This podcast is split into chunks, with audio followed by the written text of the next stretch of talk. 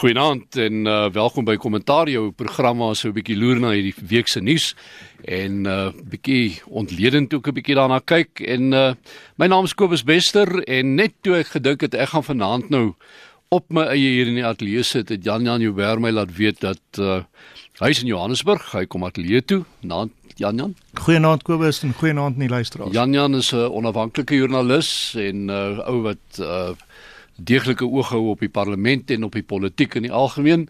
So uh, bly hom vir hom hier op die program te hê vanaand. En dan in Potchefstroom praat ons met professor Raymond Parsons van Noordwes Universiteit se besigheidskool. Raymond, goeienaand. Goeienaand almal. En dan op Stellenbosch professor Erwin Schwella, hy is van Mati se skool vir publieke leierskap. Erwin, goeienaand. Goeienaand Kobus, goeienaand uh, kollegas en die luisteraars.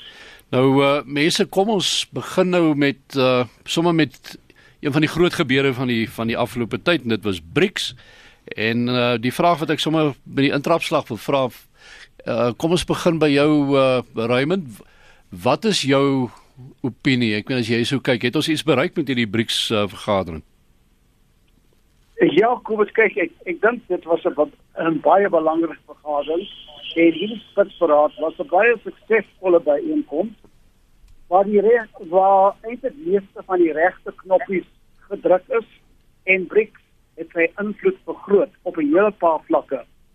Wat eintlik vir my merkwaardig was, was die mate van die ekonomiese aspekte en die praktiese aspekte wat aangespreek is. En ook Suid-Afrika as die gasheer het sy stempel op die agenda laat sien soos die vierde industriële nuwe revolusie en ander onderwerpe van van van van die soort. So ons het ons tempo op daai op daai sakelys gesit.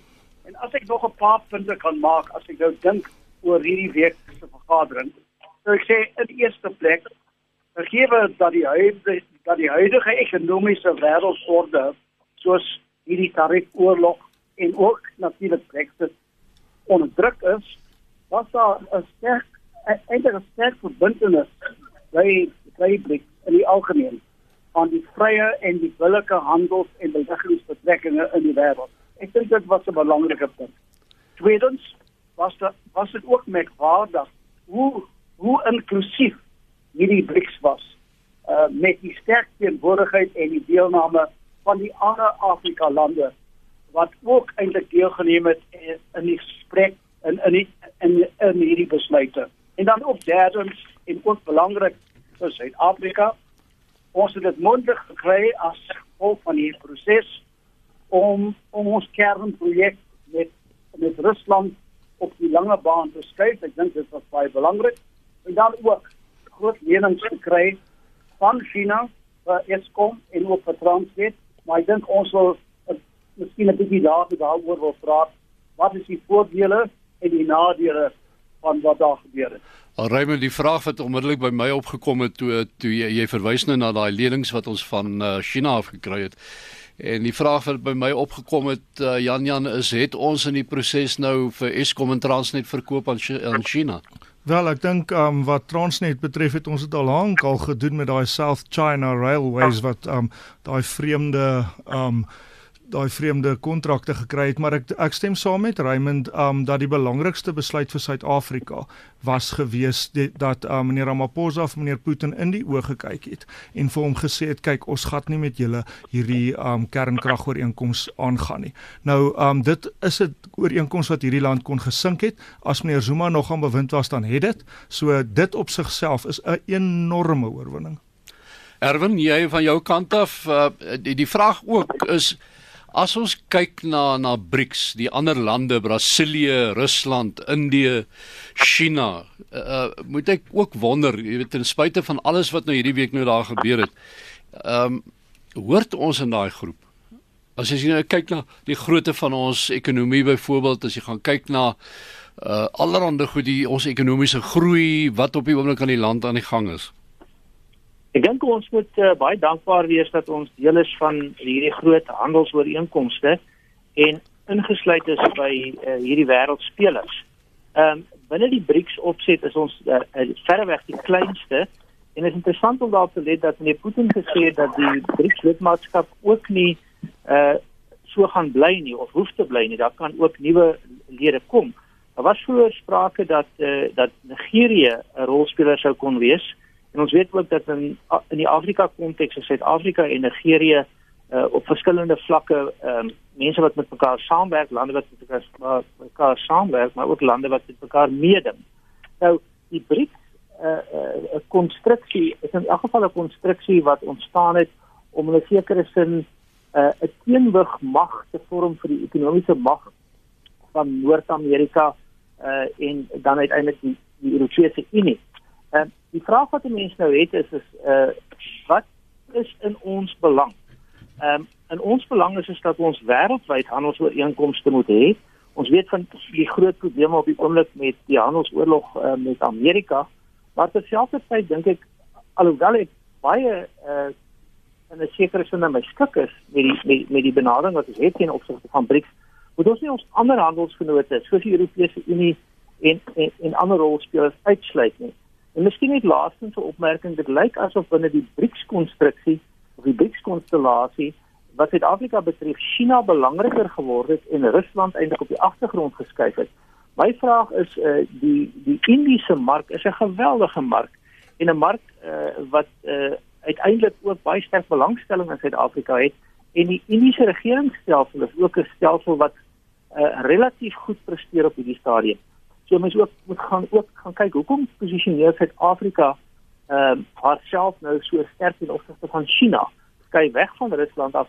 Brasilia ja, is is is is vir ons waarskynlik nie so belangrik nie, maar daar's hierdie magstryd tussen China en Rusland vir 'n uh, vorm van Afrika dominansie. En en die vraag is uh, hoekom ons nie nader ook aan Indië beweeg nie. So die klomp bydraes wat die wat die, die Chinese nou gaan maak met ons ook oor praat want die vraag is natuurlik wat kry hulle daarvoor terug? Wat kry hulle in ruil daarvoor? niks kom ongelukkig gratis nie. So ons moet 'n bietjie daarna ook 'n bietjie gaan kyk. Jan Jan Ja, um, ek dink uh, dit was duidelik dat China die leiding geneem het en dat meneer Ramaphosa vir ons daarom in die in die wedstryd gehou het. Um ek dink um eerder as Nigerië kan ons kyk dat Argentinië waarskynlik vir die volgende lid kan word. Um en dan um die ander ding wat interessant was was dat meneer Putin amper nie gekom het nie, maar hmm. dat hy agtergekom het maar hier is hy nou besig om te verloor en toe kom hy tog en hy het nie dik van die lag gelyk terwyl hy daar was nie. Maar ek dink um jy weet die tipe van dinge um gaan maar stadig en ek dink wat goed is is dat ons is in 'n uh, in 'n groepering waar ons so klein bietjie teen hierdie handelsoorloë kan vaskop. As Amerika byvoorbeeld nou nie ons staal wil koop nie, dan het ons daarmee maar afset of veronderstel met dien verstande dat ons nie 'n totale vrye um handelsooreenkoms kan hê nie want ons sal byvoorbeeld ons tekstielbedryf heeltemal vernietig teen hmm. Chinese mededinging. Maar, maar ek wil net byvoeg uh, met hierdie hele Chinese verbintenis wat ek dink is baie belangrik en ek stem saam met wat nou gesê is dat ons moet die BRICS eintlik gebruik en ons moet eintlik seker maak dat ons mededingend is om die geleenthede uit te brei maar ek moet ook byvoeg dat die geskiedenis van van hierdie lenings is uh, met met sekere lande waar dit nou vlot geloop het het groot probleme vir vir, vir daai lande soos uh, soos Pakistan en ook Sri Lanka. Ons moet net versigtig wees dat ons hierdie lenings goed gebruik, dat hulle ons help en dat ons nie hierdie lenings sien as 'n soort van antwoord aan aan die Eskom probleme. Daar's ander probleme, maar minste is die kontantvloei van van Eskom nou gehelp en ons ligte laat aanbly. So ons moet nou hierdie tyd goed gebruik en sien dat daar ander strukturele probleme is vir Eskom wat ons moet aanspreek. Lenings en skuld is nie 'n langtermyn oplossing nie. Uh, Raymond ons gaan vir jou vir 'n oomblik uh, verlaat ons jy net weer bel om te sien of ons 'n beter lyn met jou kan kry. Maar uh, dis professor Raymond Parsons van Potchefstroom met wie ons praat en by my in die ateljee Jan Jan Joubert en in die Kaap praat ons met professor Erwin Schwella. En uh, terwyl ons nou so uh, China uh, as as as die onderwerp uh, bespreek.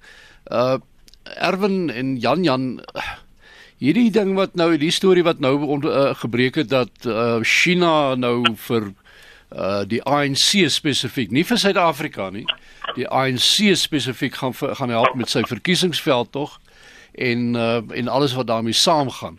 Hoe voel julle daaroor? Wel, ek voel ongemaklik daaroor want China het nie eintlik 'n demokrasie nie, hulle het 'n eenpartytjie staat. So hulle kan dalk net die ANC van die wal af van die sloot help. Um miskien sal dit goed wees vir die oppositie en is um nie vir my so verrassend nie omdat China 'n eenpartytjie staat is en die kommunistiese party in alliansie met die ANC is nie so vreemd nie, maar wat hulle daar gaan leer, weet ek regtig nie. Erwin Wel, ek uh, is ook bekommerd hieroor want uh, die Chinese politieke stelsel is eh, 'n uh, stelsel wat natuurlik glad nie demokraties is in die grondwetlike demokratiese sin waaraan Suid-Afrika aspireer om demokraties te wees nie. Tweedens uh, is die vraag nou wat kan die Chinese vir die Suid-Afrikaners leer? Ehm um, gaan dit uh, gebaseer wees op op verbeterde propaganda? Is dit het te maak met die manipulasie van kiesprosesse. Uh, so daar is kontekstueel groot verskil vergelykenderwys tussen Suid-Afrika en China. Ehm um, en die vraag is wat nou hier geleer kan word. Ehm um, terselfdertyd moet mense ook onthou dat hierdie is waarskynlik dan nou 'n verbintenis tussen die Chinese Kommunistiese Party en die ANC. Maar uh, in Suid-Afrika is die ANC een politieke party van verskeie redinge om mag en die Chinese kommunistiese party is die enigste eh, party wat uh, kan mededing om om mag in China. So hier's 'n klomp faktore wat nie vergelykend is nie en dan wonder mense altyd of dit nie maar gaan oor 'n vorm van uh, finansiële ondersteuning en wanneer die ANC dan in regering is in Suid-Afrika of hierdie finansiële ondersteuning ons nie wegneem van 'n klomp moontlike korrupte en kom ons sê dan nou maar ehm uh, ehm uh, uh, ooreenkomste met Rusland waar ons nou gelukkig ontkom het van die kernkrag uh, ramp nie. Uh, maar dat ons nou dalk op die, op dieselfde manier gevange gehoor raak van die Chinese nie. Die Chinese het ook 'n belang. Net vinnig om daarom ook te sê China gee vir ons 191 miljard rand waarvan 30 miljard rand na Eskom toe gaan. As mens nou gaan kyk dat Eskom met 2.3 miljard rand verlies in die jongste boekjaar gemaak het, en verder verklaar in hulle in in hulle uh, jaarsverslag dat hulle 20 miljard se onregmatige uitgawes gehad het wat eintlik maar geld is wat weggeraak het of gesteel is, dan is daar al 23 miljoen 'n biljoen, ekskuus, 23 biljoen van hierdie 30 biljoen is reeds gespandeer. So die vraag is hoeveel dit nou gaan bydra tot die verbetering van die Eskom se toestand en of dit nie maar net 'n kwessie is dat ons 'n bietjie opvang met die sondes van die verlede nie. Ek sal graag uh, Raymond dat ons eh, 'n uh, bietjie bly by hierdie onderwerp want uh, ek wil net ook net vir albei ons uh, paneellede wat nou elders sit in die land net vra, julle moet net albei asseblief uh die selfone waarop julle is so stil as moontlik hou want uh, daar da kom nou 'n bietjie lawaai deur op die op die lyn en uh, dit kan dalk uh, begin steur maar uh die die as jy gaan kyk na die prestasie of die optrede van China elders in Afrika en ek het daai voorreg as 'n mens dit so kan noem gehad in uh, in lande hier noord van ons in in, in plekke so Zambië en in elders.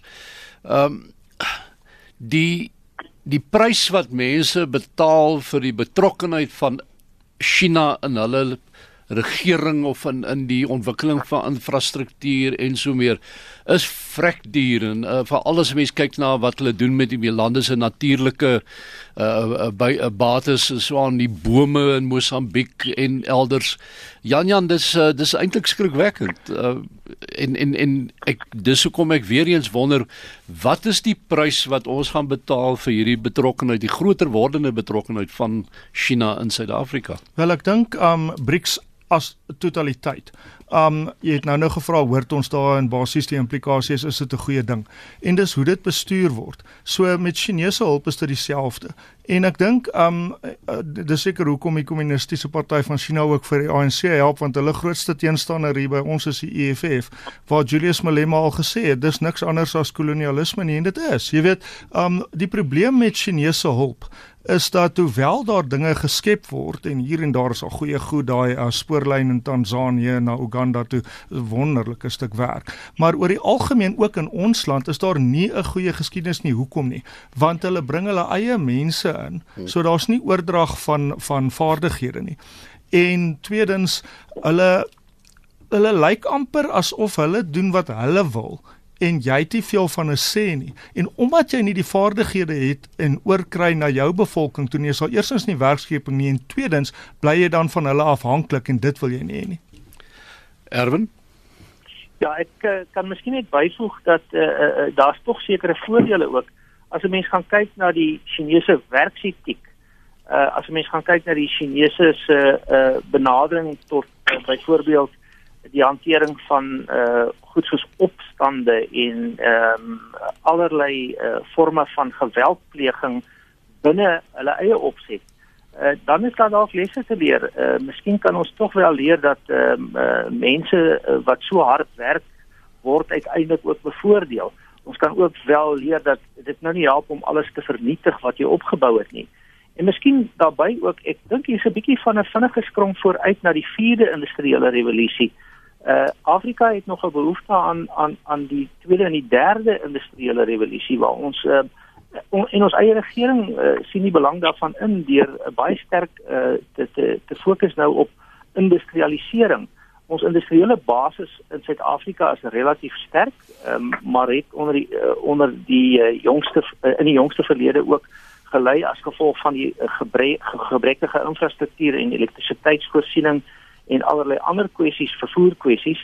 So ons moet miskien ook nie nou al natuurlik ons verstaan dat die kennisekonomie en die vierde industriële revolusie is belangrik, maar ons moet ook uh, steeds bly klem plaas op die tweede en die derde industriële revolusie om te sorg dat ons infrastruktuur in plek kry, ons vervaardigingssektor in, in plek kry en dit natuurlik dan koppel aan die kennis kennisekonomie uh, wat by die vierde industriële revolusie ter sprake is. Jan Jan. Goed, terug. Um Erwin Erwin ek sê um vir Kobus voor die program jy weet in al die jare sê dat ons op daai geseënde dag vriende geword het het ons nou nog nooit verskriklik verskil nie en hier gaan ek nou wragtig van jou verskil want um ek dink ons moet van China se se manier van hulle werkers bestuur net mooi niks leer nie.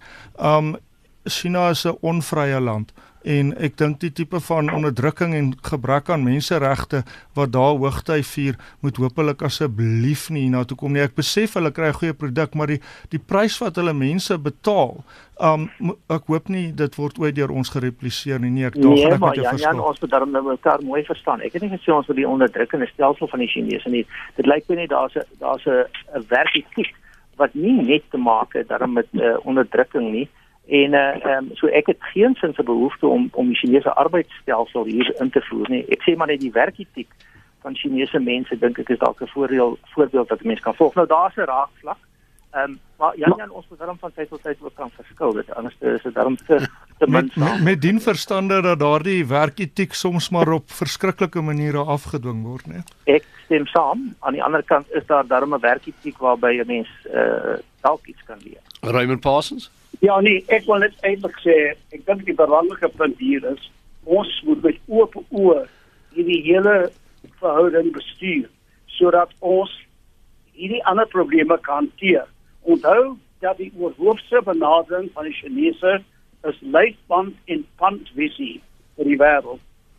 Belt and Road Vision. Dit is die oorhoofse uh eintlik benadering en Afrika word nou hier bygetrek en Suid-Afrika ons kan voordele daaruit trek, maar ons moet dit hanteer en bestuur op so 'n mate dat ons meer voordele as nadele kry. Ek wil net verwys aan my kollegas hierdie week se die Economist, die hoofartikel is Planet China, what to make of the Belt and Road Initiative. En daar word al die risiko's uitgestipel wat ons nou aangespreek het En solank as ons weet wat dit is wat ons hanteer, kan ons nou dit so hanteer dat ons meer voordele as nadele. Ons is eintlik aan 'n swak posisie en ons sal moet aanvaar dat ons baie geduldig moet wees hoe, hoe ons dit hanteer. En ek dink dis 'n baie belangrike boodskap wat uit hierdie BRICS se vergadering nou kom. Jy het net nou verwys uh, ek dink Jan Jan jy het verwys na die EFF en uh, die feit dat hulle hulle is eintlik uh, die mense wat hulle self uitgee as China se vyande in hierdie stadium. EFF is 5 jaar oud. Uh, mense uh, het uh, die gevoel begin kry dat hulle is altyd uh, hulle is eintlik al vir ewig hier met ons.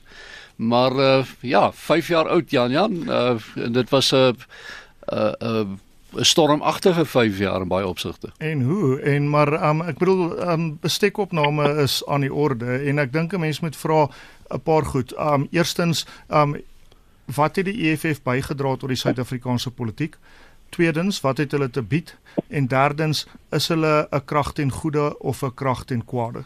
Nou, um wat het hulle bygedra tot die Suid-Afrikaanse politiek? Ek wil sê ons sou nie van meneer Zuma ontslaag gewees het sonder die EFF nie en hulle het die um parlement ge skuif na waar hy moet wees, die sentrum van die Suid-Afrikaanse politiek wat hy nooit was van 94 af nie. Um dit was die goeie. Um en hulle en ek bedoel hulle het 'n paar baie intelligente mense in ons stelsel ingebring. Um is hulle 'n krag ten goeie? Ek dink nie so op die oomblik nie. Um want hulle is besig om verdeeldheid te saai. Um waar waar ons eintlik versoening en vereniging moet hê. In 'n sekere sin is hulle maar soos ver regs is, jy weet. Um hulle dink eintlik net aan hulle self. Hulle dink aan swart mense, hulle dink aan hulle ondersteuners en party van hulle en glo my vry, daar kom interessante nuus in die volgende paar weke as my inligting reg is, dink ook maar baie hard aan hulle self. Party mense wat nou baie um uitgee asof hulle een of ander messiaanse leierskap kan gee. Ek sien meneer Malema spesifiek sê dat um dat uh die EFF is Jesus Christus genigtig. In elk geval so ek dink um weliswaar egter dat um hulle sal moet baie mooi dink wat hulle toekomstige rol is en dan moet jy een laaste ding net kyk, wat gaan hulle impak wees in die toekoms? Hulle het een reuse probleem. Hulle kry nie stemme nie. Um hulle hulle uh, sit met 'n groot probleem daar. Um totdat hulle nie stemme kry nie, kan hulle maar soos die ou blikke raas, die volk se stem bly altyd baas. Raymond Parsons? Nee, ek wil net byvoeg. Ek dink wat ons moet onthou, ons is nou binne maande van die volgende verkiesing. So alles wat oor ons nou praat, het het 'n politieke aspek daaraan. Ek voel natuurlik dat die hele bydrae van die EFF en van die ander partye, ons is nou op 'n stadium waar dit lyk vir my, maar ek sou graag wil hoor wat wat my kollegas dink dat hierdie brood en en botter aspekte van ons samelewing word so bietjie meer belangrik. Uh die Eskom tariewe, die die by uh, jy weet die, die kwessie van van die brandstofheffings en uh al daai dinge kom nou meer na die senter van die van die politieke debat. En ek wil graag hoor gaan ons in 'n in 'n veldtog oor die volgende paar maande waar die gewone politieke aspekte waaroor my kollegas nou praat, sal nog belangrik wees, maar ons wil meer as ek so mag stel normaal word dat hierdie brood en en botter dinge kan nou ook 'n impak maak oor hoe hoe sekere mense sal stem. En ek voel as ek kan noem, kan ons nou meer van hierdie aspekte sien in die debat as ooit van tevore. Maar ek wil graag hoor wat dink my kollegas te sê, is dit maar net die net die ou storie weer. Maar ek dink hierdie dat hierdie by eintlik basiese ekonomiese aspekte word nou meer belangrik in ons in ons politieke debat. Ja, Jan Jan, maar dis ook iets wat die EFF nie regtig aan aandag skenk nie. Ag, ehm um, jy weet op plaaslike vlakke is eintlik goed daarmee. En hmm. I mean, ehm um, ek wil ook sê hulle het 'n baie positiewe bydrae gelewer op plaaslike vlak om korrupsie teen te werk deurdat hulle die ANC se mags um hou vas gebreek het tot geen voordeel van hulle self nie met die DA gaan saamwerk het. Um en um maar maar om met Raymond se punt net op te tel, Raymond in Engels sal hulle sê from your lips to God's ears, maar ek dink nie so nie jong. Um ek ek ek dink dit is wonderlik dat jy daai tipe hoop het en dit sal wonderlik wees, maar nee wat jong, uh verkiesing in my ervaring en ek weet jou ervaring is baie meer, uh, maar in my beperkte ervaring is verkiesing maar 'n laagste gemeene deler storie. Erwin? Ja, ek dink om Raymond se vraag te antwoord, uh daar's verskillende politieke rolspelers en uh hulle het verskillende strategieë en taktieke om steun te werf. Die EFF in elk geval is 'n uh, is 'n sterk populistiese party en hulle werk uh, op die basis dat hulle steun mobiliseer deur middel van populistiese uitsprake wat op sigself altyd emosioneel is. Ek maak die onderskeid tussen emosionele politiek um, en uh, emosies om om om om steun te werf teenoor evidence, nê, nee, getuienis. So die EFF is populisties eerder as professioneel, hulle is emosioneel eerder as uh um evidence-based. Nie volledig nie, daar's ook baie sterk intellek in die EFF. Um en ek dink uh hulle gaan daardie rol speel. Um Jan Jan is reg, hulle sukkel om politieke ondersteuning te kry en hulle moet op 'n of ander manier uh, die media die hele tyd uh, op hulle op hulle fokus. So op dië manier kry hulle dan 'n uh, belangrike uh, uh, voet in die deur om om emosies en populisme te bedryf. Terselfdertyd moet 'n mens ook ja. mag ek net sê die EFF uh, uh, na my mening om afsluit by Jan Jan het wel daarin geslaag om die om die debat in Suid-Afrika te verskuif. Ehm um, ons moet fokus op vraagstukke rondom hoe skep ons welvaart maar ook hoe verdeel ons welvaart en hoe doen ons dit op 'n etiese manier en hoe doen ons dit op 'n effektiewe manier? Nou die EFF uh, het verseker begin kyk om te sê wel Suid-Afrika mag dalk in die verlede welvaart geskep het maar dit verskriklik sleg verdeel. En daarom het ons groot ongelykheid armoede en werkloosheid en daarom moet ons die debat verskuif. Nou of hulle die debat in die regte rigting verskuif is nog 'n ander vraag. 'n laaste punt net oor die EFF van van my hoek gesien is dat dit altyd beter is dat hierdie soort populistiese en relatief ehm um, opruiende politiek maar binne instellings bedryf word en dit word gewoonlik geformuleer met die mooi uh, uh gesegde om te sê dat dis beter om die mense te hê wat die ballot gebruik met ander woorde hulle stemreg binne die parlement as wat ons die bullet gebruik wat eintlik dan 'n revolusionêre party se laaste uitkoms ja. is of laaste uh, opsie is waar hy uiteindelik gewelddadig optree buite die parlement. So die EFF sit in die parlement en hulle gebruik nog steeds die kiesstelsel en die grondwet alhoewel hulle speel almekaar net net op die onkant lyn en soms aan die oorkant van die onkant lyn. Maar gepraat van onkant, uh, een van die stories wat uh, vandag ook in die koerante geloop het is die feit dat die uh, ANC jeugliga nou uh, bankrot verklaar is en uh, dit as gevolg van optredes juis van mense wat nou leiers so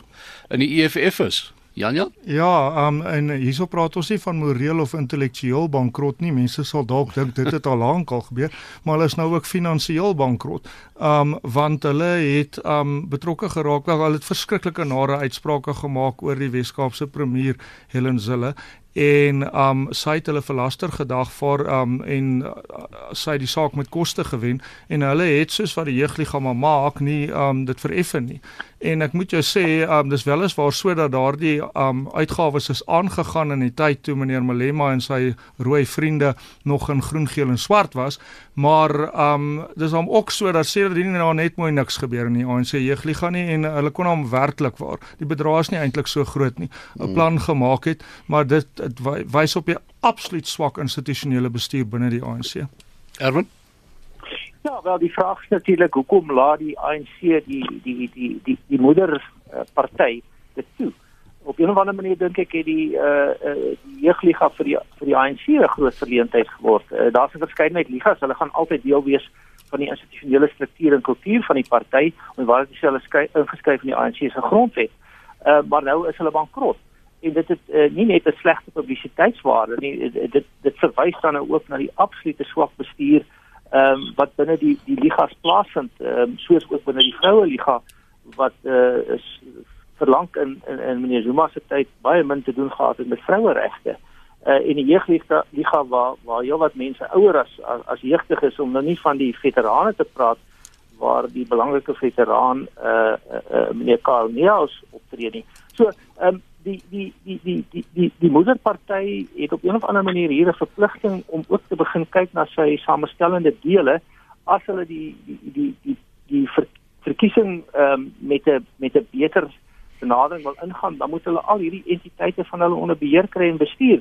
Dit op sigself is 'n bestuursvraagstuk. As jy nie slaag daarin om jou eie entiteite te bestuur nie, ehm um, en in elk geval oor jare swak regering gepleeg het, daar's nou tekens van verbetering dan kan jy nie verwag dat die kiesers vir jou gaan stem nie.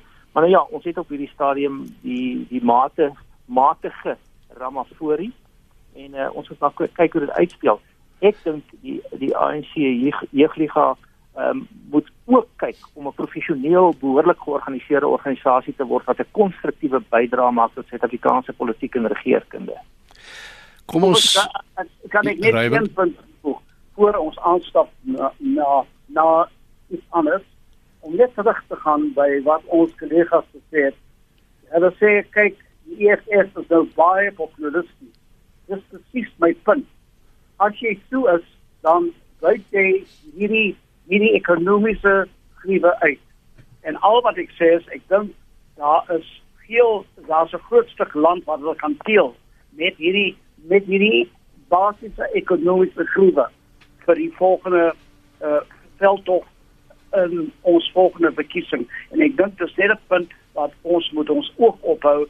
Ek dink dit gaan 'n groot rol speel in hierdie hele politieke debat in die maande wat voorlê. Jan Jan, daar in die Kaap, die Kaap van storms en uh midde in van de, dit die afgelope tyd is julle uitvoerende burgemeester Patricia de Lille uh die mosie van wantroue toe nou nie gebeur hierdie week nie, maar daar's groot kanonne wat op haar gerig word.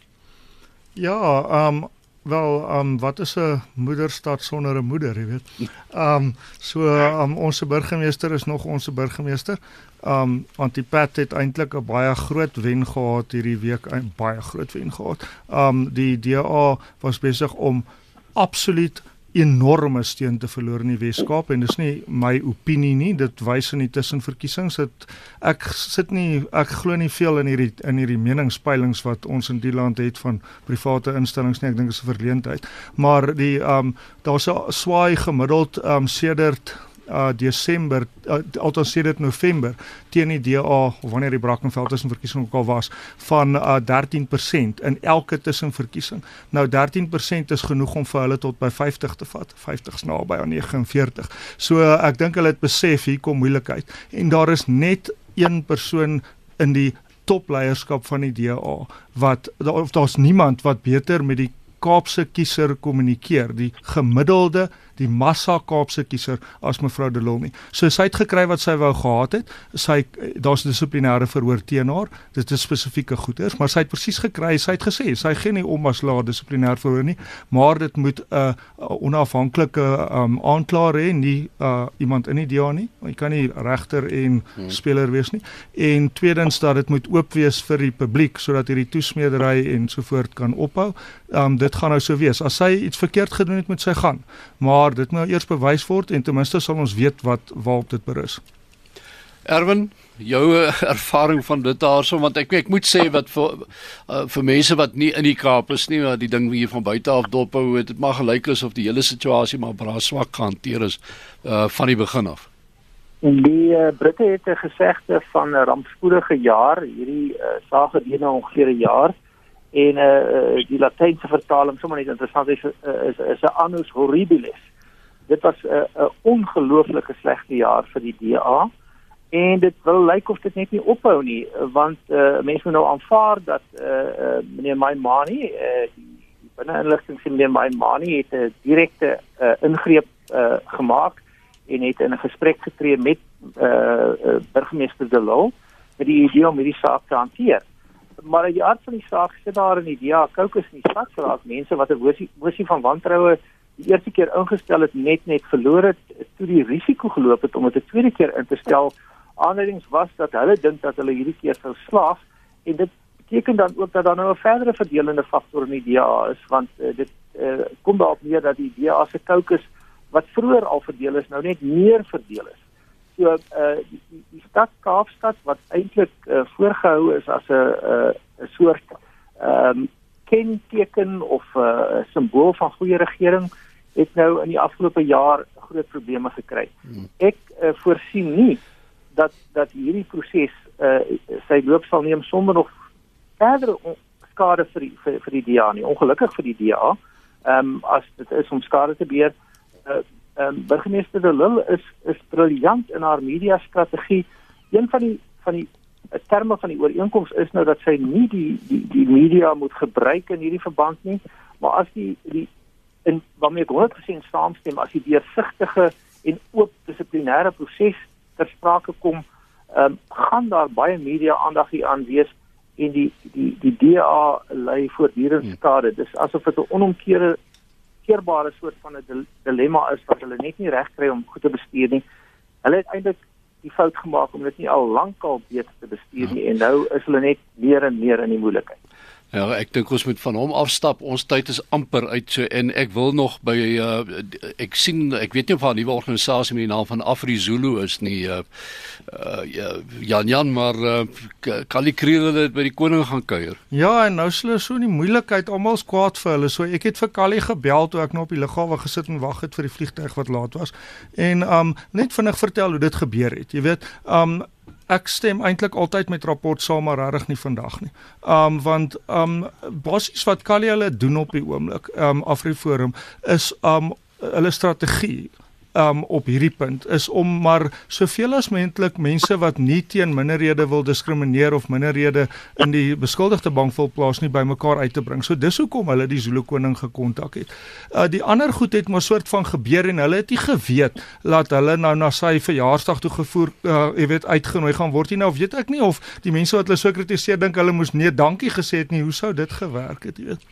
Ja, nee, wat so maar ek is baie seker die uh, ding gaan nog baie bespreek word in die in die dae wat voor lê, so dit gaan interessant wees om te sien na watter rigting die ding neig. Maar kom ons stap van dit af. Dis net so terloopse uh, uh onderwerp gewees, maar ons het 'n paar minute oor en Zimbabwe hou môre verkiesing.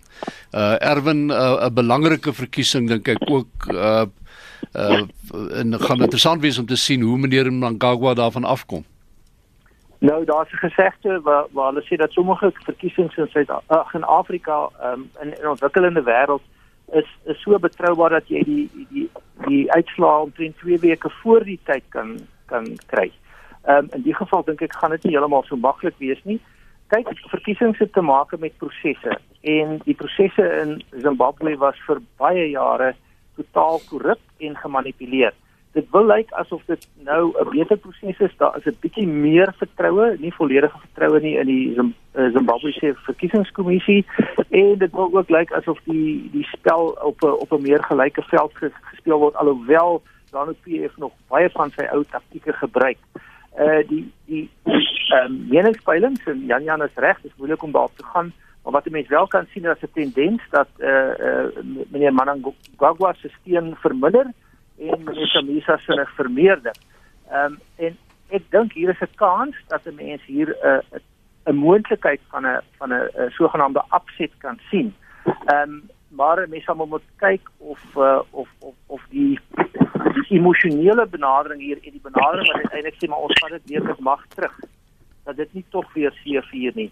Ehm um, ek moet ook sê dis 'n baie ingewikkelde kiesstelsel as mens gaan kyk daarna ehm um, heel tegnies ehm um, vers, verskil uh, wel stemme wat stem vir die president, stem vir partye en dan is daar ook nog uh, uh, in die samestelling van die hmm. parlement vroue en en tradisionele leiers. So dit is so maklik om sulke ingewikkeldhede te manipuleer. Maar ons almal hoop dat dit 'n beter uitkoms gaan wees en veral dat dit nie tot verdere geweld in die land sal lei nie. Laaste groot aantal Suid-Afrikaanse ja, ehm um, Zimbabwe wat in Suid-Afrika woon Suid-Afrikaanse inwoners uit Zimbabwe het het oor die grens gegaan om te gaan stem en hulle mag 'n beduidende verskil maak in 'n relatief klein uh, kieserskorps want ja. ek vermoed hulle gaan moeilik vir ZANU-PF stem en gelukkig het meneer Mugabe vandag gesê hy gaan ook nie vir ZANU-PF stem nie. So daar het uh, die die oppositie ekstra stem. Dankie Erwin uh, in die laaste woord uh, Raymond ek gaan vir jou daar moet afsny. Ongelukkig ons is uit behalwe dat ek net vir Jan Jan hier so 'n laaste sê moet gee oor die oor die Zimbabwe verkiesing. Ja, ek dink mense moet baie versigtig wees om te veel te verwag. Um die um inligting en ek hou daarvan om parate inligting te hê eerder as sienings. Um is dat daar bitter min Zimbabweërs oor die grens gegaan het. Jy weet hulle het spesiaal spesiale reëlings getref om by Beitbrug mense deur te laat. Hier's 3 miljoen Zimbabweërs in Suid-Afrika, amper niemand van hulle het oorgegaan nie. So ek dink dis baie slegte nuus vir die MDC. En dit was Jan Jan Jouber, die uh, joernalis wat uh, daar gepraat het. Saam met ons vanaand op die paneel was professor Raymond Parsons van uh, die NWU Noordwes Universiteit se besigheidskool en uh, in Stellenbosch het ons gepraat met professor Erwin Schwella. Hy is uh, professor en uh, in die publieke leierskap ook by die skool vir publieke leierskap en uh, ek wil vir al drie van julle sê baie dankie. Ons het 'n lekker gesprek gehad en uh, my naam is Kobus Bester. Ek groet tot volgende Sondag om 8:00.